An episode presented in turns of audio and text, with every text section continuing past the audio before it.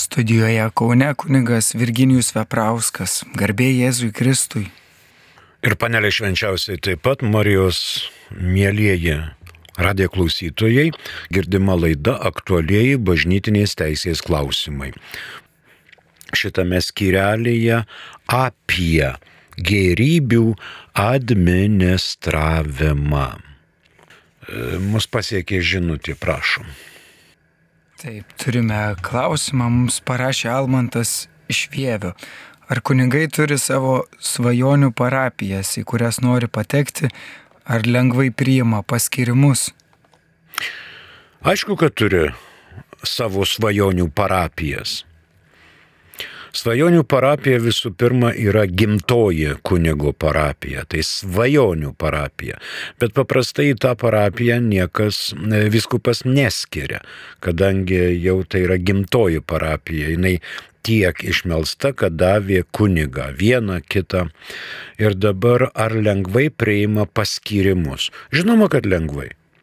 O kas čia sunkaus? Atplėšia voką ir skaito dekretą. Dekrete parašyta mylimam sūnui, tokiam ir tokiam didžiai gerbiamam kunigui. Esate skiriamas ten, arba esate skiriamas šiandien, arba iš vis neskiriamas. Tai kaip galima kitaip, jeigu nelengvai priimti visokius paskirimus. Visokius paskirimus. Nes šventimų dieną kai e, vyskupas e, įteikia tau e, kieliką ir pateną ir liepia atnašauti šventųjų mišių auką. Neįdeda žalgerio emblemos, neįdeda trispalvės ar kokios tautiškos giesmės, bet įduoda į, rank, į rankas kieliką ir pateną. Aukai aukoti pašvestas akusmuo.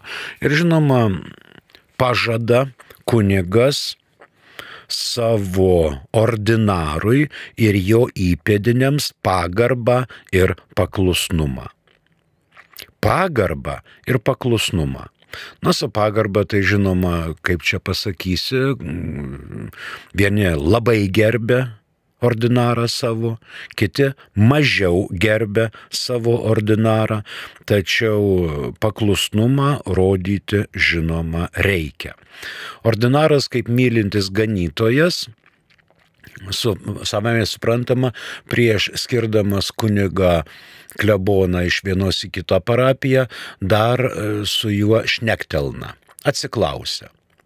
Pavyzdžiui, sukako metų cenzas Prašom, jau apleidi pareigas, rašai pats pareiškimą. Tarkim, šiandien palaidotas kunigas Žygintas Veselka. Ir jau arkivyskupo galvoj sukasi mintys, kokį kunigą ten skirti. E, per mėnesį laiko ordinaras yra įpareigotas rasti kunigą į tą parapiją arba padaryti aptarnaujamą. Tai yra vėl galvos skausmas. Reikia žiūrėti, iš kur paimti, kur paskirti. Tai lengvai priima paskirimus, aišku, kad lengvai. Džiaugiesi, kad gauni iš vis dekretą, nes jeigu negausi, tai nebūsi niekur paskirtas. Seminariją baigusieji gauna paskirimą į vikaro poziciją paprastai, paskiau klebonai, po to Tai va, vikaru, po to klebonu, o po to, reiškia, jeigu susirga, tai galima sakyti rezidentu, tampa altarista ar kitokią poziciją. Pavyzdžiui, besigydantis. Jeigu užklupo didžiulė lyga, tai, na,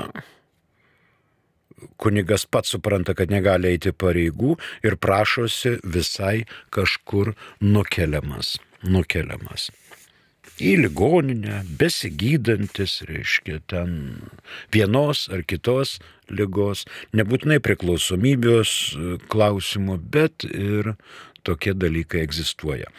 Dėkui už šitą klausimą. E, primenu, kad galite klausti telefonu 32 32 30, Kauno kodas 837. Raštų klausimus žinutėmis marijosradijas.lt internetinėje svetainėje maldos intencijų skiltyje. O mes keliauname prie tiesioginės laidos gerybių administravimas. Iš eilės 1277 kanonas. Štai jis. Dieceznis vyskupas prieš atlikdamas administravimo veiksmus, kurie atsižvelgiant į ekonominę vyskupo situaciją, viskupijos situaciją yra svarbesni, privalo išklausyti ekonominių reikalų tarybos ir konsultorių kolegijos. Tačiau be konkrečiai nurodymų visuotinėje teisėje ar fundacijos aktuose atveju jis privalo turėti tos pačios tarybos ir konsultorių kolegijos sutikimą. Ir prieš atlikdamas ekstraordinarinio administravimo veiksmus, vyskupų konferencijai priklauso nustatyti, kurie veiksmai turi būti laikomi ekstraordinarinio administravimo veiksmais. Taigi, naudojimasis turtu yra įgimta bažnyčios teisė. Ir tuo pačiu kiekvieno bažnyčios viešo juridinio asmens teisė. Dabar kanone girdėjome sąskambį. Veiksmai ekonominiai, kurie yra svarbesni. Čia dėl vyskupijos, bet ne dėl pašvesto gyvenimo institutų ar apaštališkojo gyvenimo draugijų. Sprendžia vietos vyskupas, rūpestingai apsvarstęs, kas yra, taip sakant, svarbesni veiksmai. Svarbesni veiksmai ekonominiai gali būti aptariami sinodo dokumentuose, to paties vyskupo dekrete arba, kaip čia kanone girdėjome, vyskupų konferencijos nutarimai. Šitie dalykai e, svarbesni reikalai neliečia generalinio vikaro ar vyskupo vikaro. E, šitie veiksmai yra dėl, svarbesni veiksmai dėl vyskupijos valdymo liečia vietos vyskupą. Nebent generaliniam vikarui ar vyskupo vikarui yra pavedimas, jam pavesta, tada jį taip pat liečia. Dabar yra įsakymas išklausyti ekonominės tarybos nuomonės ir konsultorių tarybos nuomonės. Ne kunigų tarybos, bet konsultorių tarybos nuomonės.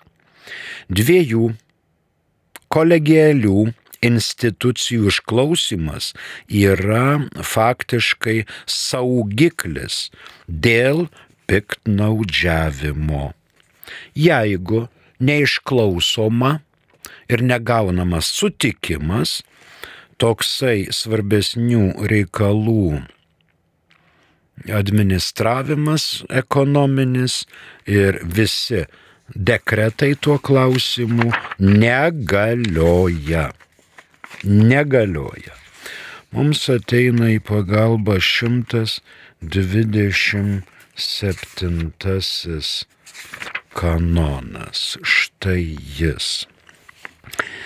Kiek, kai teisės yra nustatyta, jog aktams, kuriuoms reikia atlikti vyresnysis privalo gauti kolegijos arba asmenų grupės sutikimą ar pritarimą Kolegija ar grupė privalo būti sušaukta pagal 166 kanono normą. Nebent, kai reikia gauti tik patarimą, partikuliarinė arba savoji teisė nustato kitaip. Tačiau, kad aktas galiotų, reikia absoliučios dalyvaujančiųjų daugumos sutikimo arba kad būtų išklausyti visų patarimai. Mus pasiekė SMS žinutė, prašom. Parašė Albinas iš kairių. Kokiais būdais bažnyčia mažina savo kaštus šiuo sunkmečiu? Būtų įdomu žinoti, e, kokie yra kaštai. Bažnyčia išsilaiko iš aukų. Aukos, aišku, mažėja todėl ir kaštai mažėja. O ar dabar sunkmetis, tai sunku pasakyti. Reikia žiūrėti gal realiai. Kigalio viskupijoje yra viena, viena situacija, Adis Abebos viskupijoje kita, Delio kita, Kaišėdorių dar kita. Tai jeigu bažnyčia, jos tikintieji dosniai remia, todėl bažnyčia ir dosniai atiduoda, statydama bažnyčią, bažnyčias, steigdama institucijas, palaikydama katechetinį centrą, jaunimo centrą, karitą, šeimų centrą. Ir matot, yra dalykų, kurių negalima mažinti kaštų. Negalima. Nes žmonės dirba ir jie taip pat nori turėti tam tikrą atlyginimą. Mes labai dėkojame visiems tikintiesiems ir geros valios žmonėms, kurie remia bažnyčią.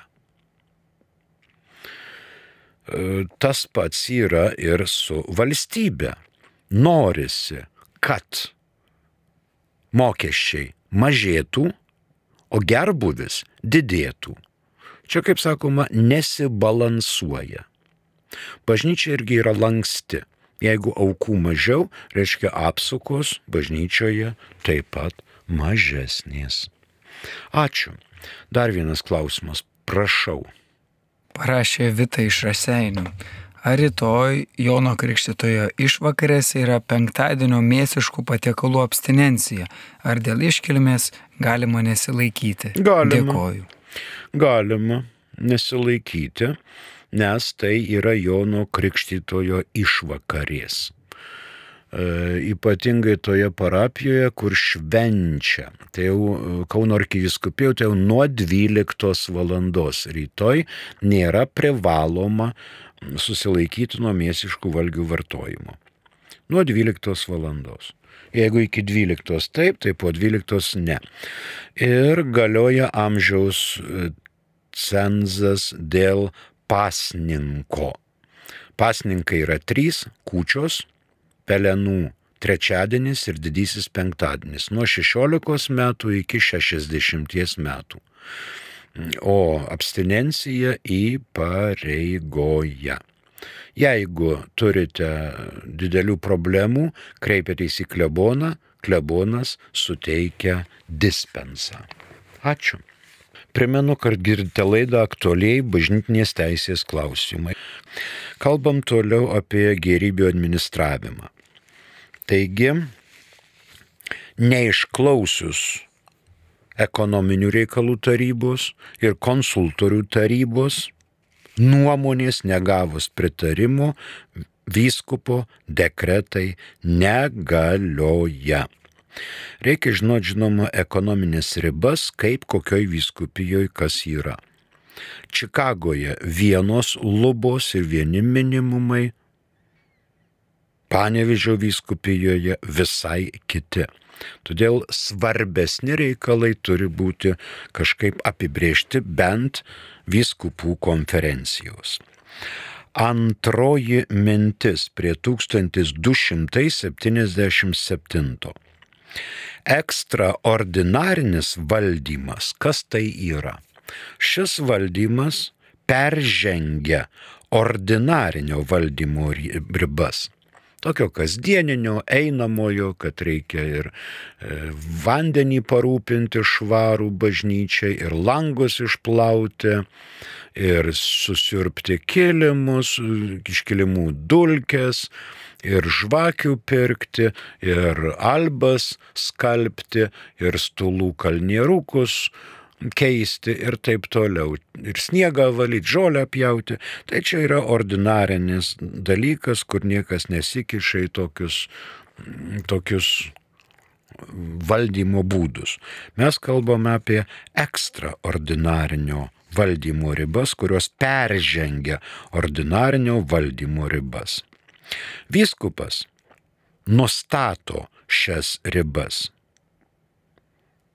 jei jam pavaldžių juridinių e, asmenų statutai tyli. Kiekvienas tiek privatus, tiek viešas juridinis asmo turi savo statutą. Ir ten turi būti parašyta, kaip kokios ribos gali būti peržengiamos, kurių ribų negalima peržengti negavus specialaus leidimo. Jei nepasisako konf, vyskupų konferencija, vyskupų e, vietos vyskupas remiasi kitais dokumentais. Visų pirma, visuotinė teisė ir fundaciniais dokumentais. Keletas yra vyskupo pareigų. Jis atsakingas už didesnių aukų prieimimą. Jis atsakingas už aukų su sąlyga prieimimą. Jis atsakingas už naudingą investavimą. Jis atsakingas už rimtų testamentų vykdymą ir jis atsakingas už tai, kas turėtų atstovauti civiliniuose teismuose ginčio atveju. Dabar mums gali kilti klausimą, klausimas, kas atsitinka, jeigu vyskupo sostas vakuoja. Tai kartais ordinarinio valdymo būdas gali tapti net ir ekstraordinarinio valdymo būdu ir tada konsultoriai su valdytoju kreipiasi aukščiau, kad gautų leidimus. Pavyzdžiui, metus laiko vakuoja sostas, o reikia kažką daryti, sudegė bažnyčia paveikslus reikia ten vežti į Gudino centrą, ten kainuoja labai nemažai.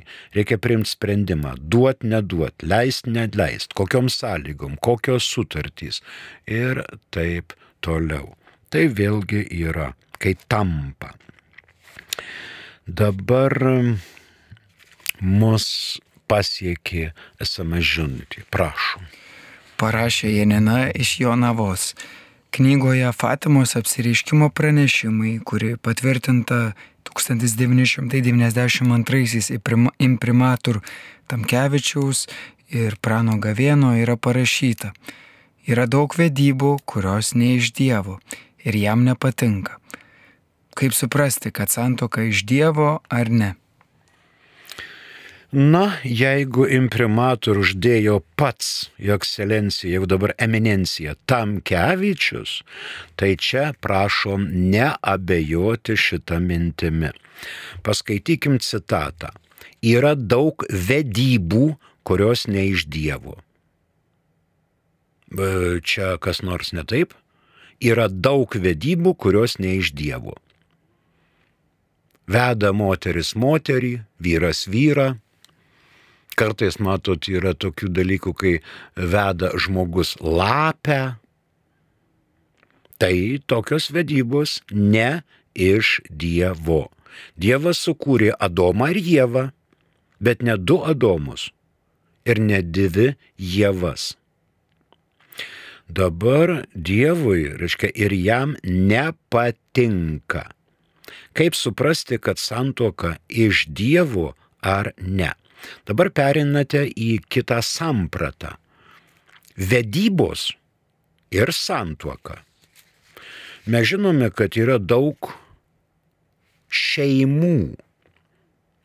Šeima yra, kai gyvena motina su dukra,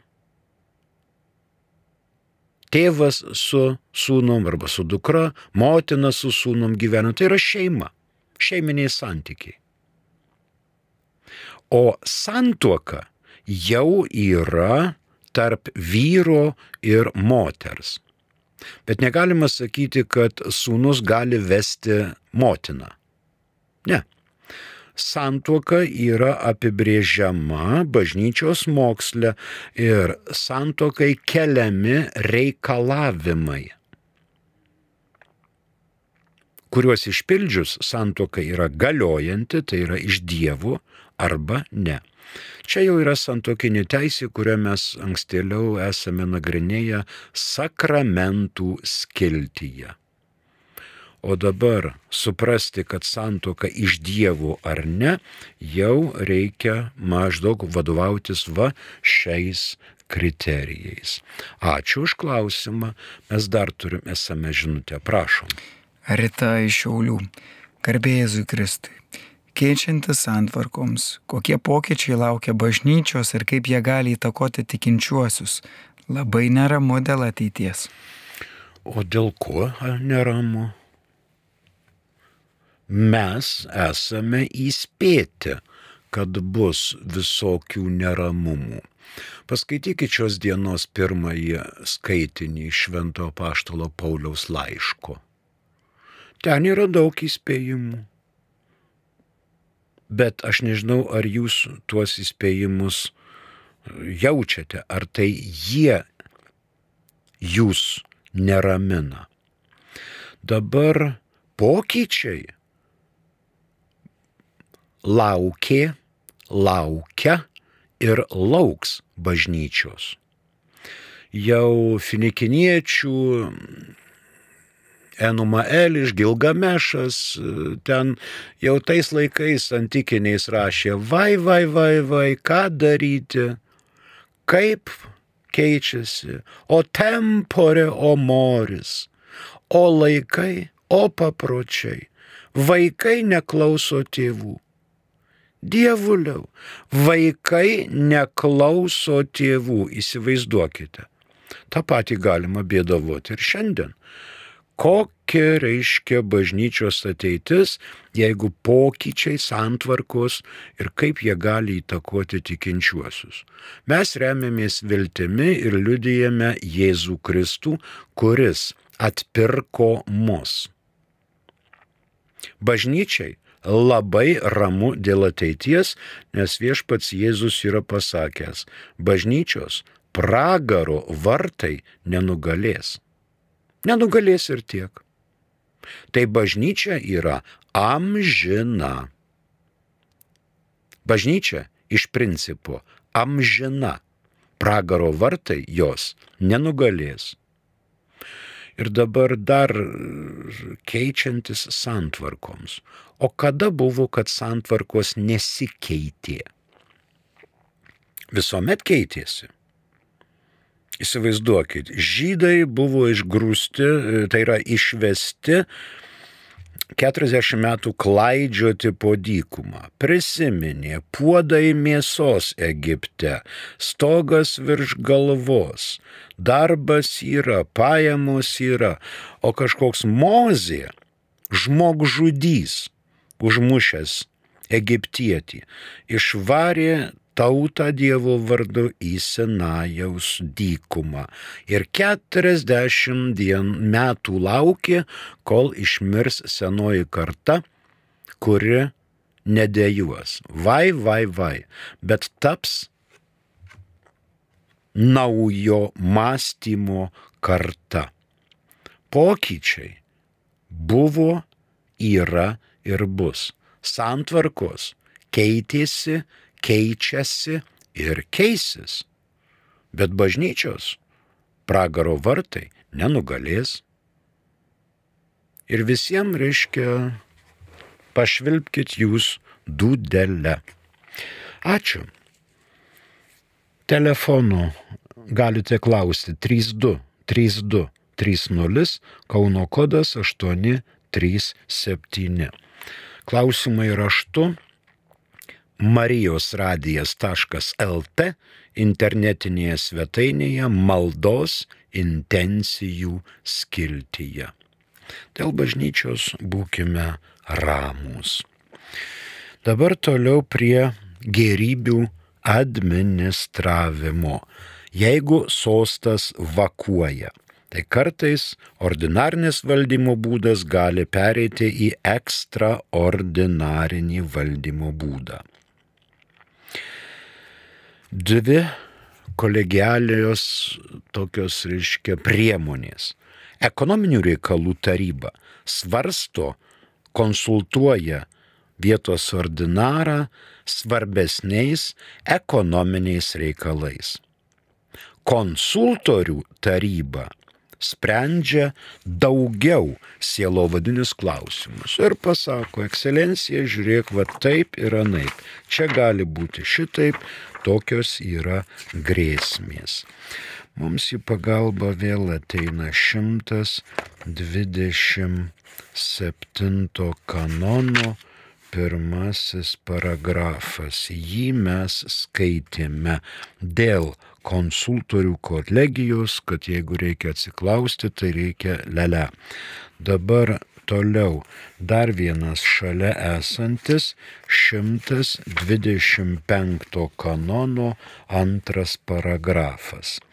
Aktas atliktas dėl neteisėtai sukeltos didelės baimės ar apgaulės galioja, jeigu teisės nėra nustatyta kitaip. Tačiau gali būti panaikintas teisėjų sprendimu. Tiek prašant nukentėjusiai pusiai arba jos teisėtiems įpėdiniams, tieks, tiek ex oficijo iš pareigos.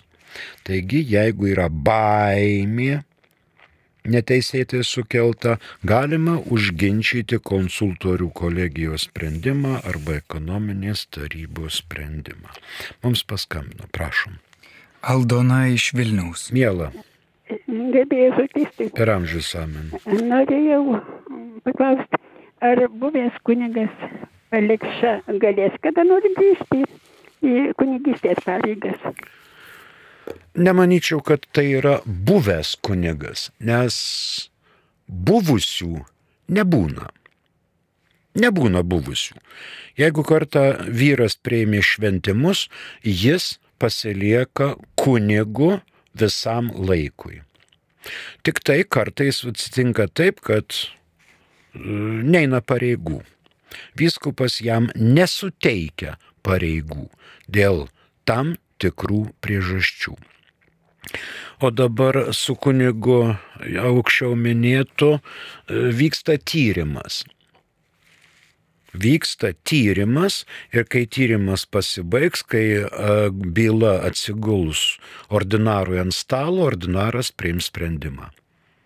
Ar suteikti pareigas, kurias gali eiti kunigas, ar nesuteikti. Gali būti įvairiai.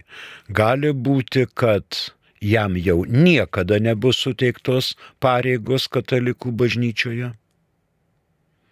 Gali būti, kad jam bus suteiktos pareigos katalikų bažnyčioje.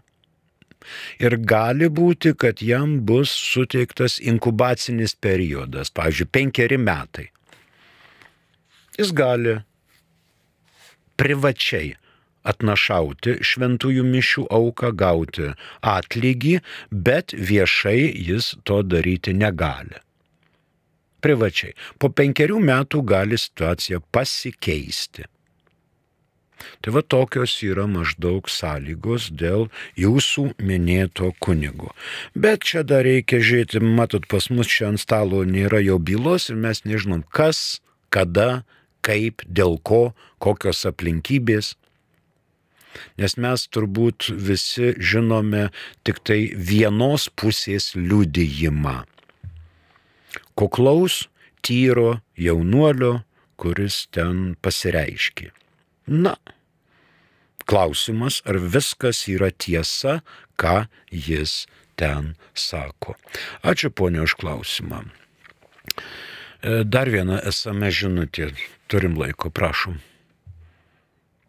Audrius iš plungės parašė, ar dogmos gali mutuoti, ar kaip nors keistis. Ačiū. Na, pirmiausia, reikia išsiaiškinti, kas jūsų manimų yra dogma. Dogma yra aukščiausia tiesos kategorija. Jeigu jau bažnyčia įkalė dogmą, tai reiškia, kad šita tiesa nesikeičia komentarai, aiškinimai, papildymai, pataisymai gali būti, bet dogma nesikeičia. Dabar kokią jūs žinote, pavyzdžiui, dogmą? Šiame amžiuje dar nėra paskelbta nei viena dogma bažnyčioje. Praeitame amžiuje e, ar tik tai nekaltojo prasidėjimo dogma yra paskelbta? Kad Marija yra nekaltai pradėtoji. Tai yra dogma. Ir ką jūs savo, kaip jinai gali keistis arba mutuoti. Marija pradėta normaliu vyro ir moters, Jonkimo ir Onos pradėjimu tarp vyro ir moters ir gimė Marija. Bet ji yra be gimtosios nuodėmės pradėtoji. Ji buvo apsaugota pačiu pradėjimo momentu, jai nereikėjo krikšto sakramento.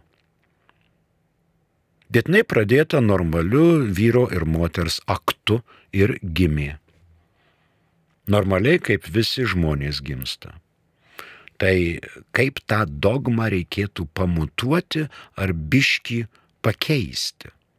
Ar yra toksai variantas ir kam to reikėtų? Dogma aukščiausia tiesos kategorija. Ačiū. Toliau. Jei, pavyzdžiui, konsultorių kolegijai ir ekonominių tarybų ekonominiai tarybai nepateikiama pilna informacija iš vietos ordinaro arba atsiklausiama tik tai vienas organas, ar konsultorių taryba, ar ekonominių reikalų taryba, tada vyskupo dekretas negalioja. Bet negalioja ekstraordinarinio valdymo būdui. Dabar vyskupijos ekonominė padėtis skirtinga. Vienaip atrodo Vilniaus arkivyskupija, kitaip atrodo Kaišėdorių vyskupija ekonominiu požiūriu. Todėl ir sprendimai yra visai įdomus. Rytų kanonuose atitikmuo 1277 yra 263, 1024 ir 1036 kanonai. Dabar mus pasiekė dar esame žintie, prašom. Antanas iš Vilniaus. Ar tinka katalikui pirkti naują automobilį, didelį namą, ar geriau pirkti kuklesnius daiktus? Vėl diskusinis klausimas. Kodėl katalikui gali netikti pirkti naują automobilį? Kodėl? Kokia priežastis? Arba didelį namą. Kur? Vilniuje Gedimino prospekte namas kainuoja vieną kainą. Dabar yra daug sodybų Lietuvoje apleistų, kuriuos galima už vieną kitą tūkstantėlį nusipirkti ir renovuoti prie ežerėlio arba prie upelio arba miško viduryje, tai pirkti naują automobilį, didelį namą. Pavyzdžiui, perka katalikas naują zaporožietį arba nyvą kas jam gali trukdyti pagal jo skonį pirkti naują automobilį arba didelį namą. Tegul išlaiko jisai tą didelį namą, tegul remontuoja. Kokie kaštai yra, kokia rinkos kaina ir kas tas yra didelis namas ir koks yra naujas automobilis. Geriau pirkti, aišku, čia kaip tvirtinate, kuklesnius daiktus. Galima nusipirkti paspirtuką arba dviratį, bet tai tai minsi čia iš, iš Vilniaus į palangą paatostogauti su šeima. Ir dviračiu ten keturias dienas minam, kad paskui palisėtumėm. Tai yra visai kiti dalykai. Yra automobilis sumetė į bagažinę savo ten visokius, reiškia, palapinės konservus ir važiuoji ilsėti su automobiliu, kad jisai nesugestų ties raseiniais. Diskusinė labai šita tema. Viskas dabar dar pabandykim pafiksuoti 1277. Dieceznis vyskupas prieš atlikdamas administravimo veiksmus kurie atsižvelgiant į ekonominę viskupijų situaciją yra svarbesni, privalo išklausyti ekonominių reikalų tarybos ir konsultorių kolegijos. Tačiau be konkrečiai nurodytų visuotinėje teisėje ar fundacijos aktuose atvejų, jis privalo turėti tos pačios tarybos ir konsultorių tarybos sutikimą ir prieš atlikdamas ekstraordinarnio administravimo veiksmus, vyskupų konferencijai priklauso nustatyti, kurie veiksmai turi būti laikomi ekstraordinarinio administravimo veiksmais. Ačiū už klausimus, malonu buvo pabendrauti, prie mikrofono dirbo kunigas Virginijus Veprauskas, jeigu ras rasite kokių dar minčių, prašom, kitoje laidoje bandysim atsakyti. Ačiū ir sudie. Gražių joninių.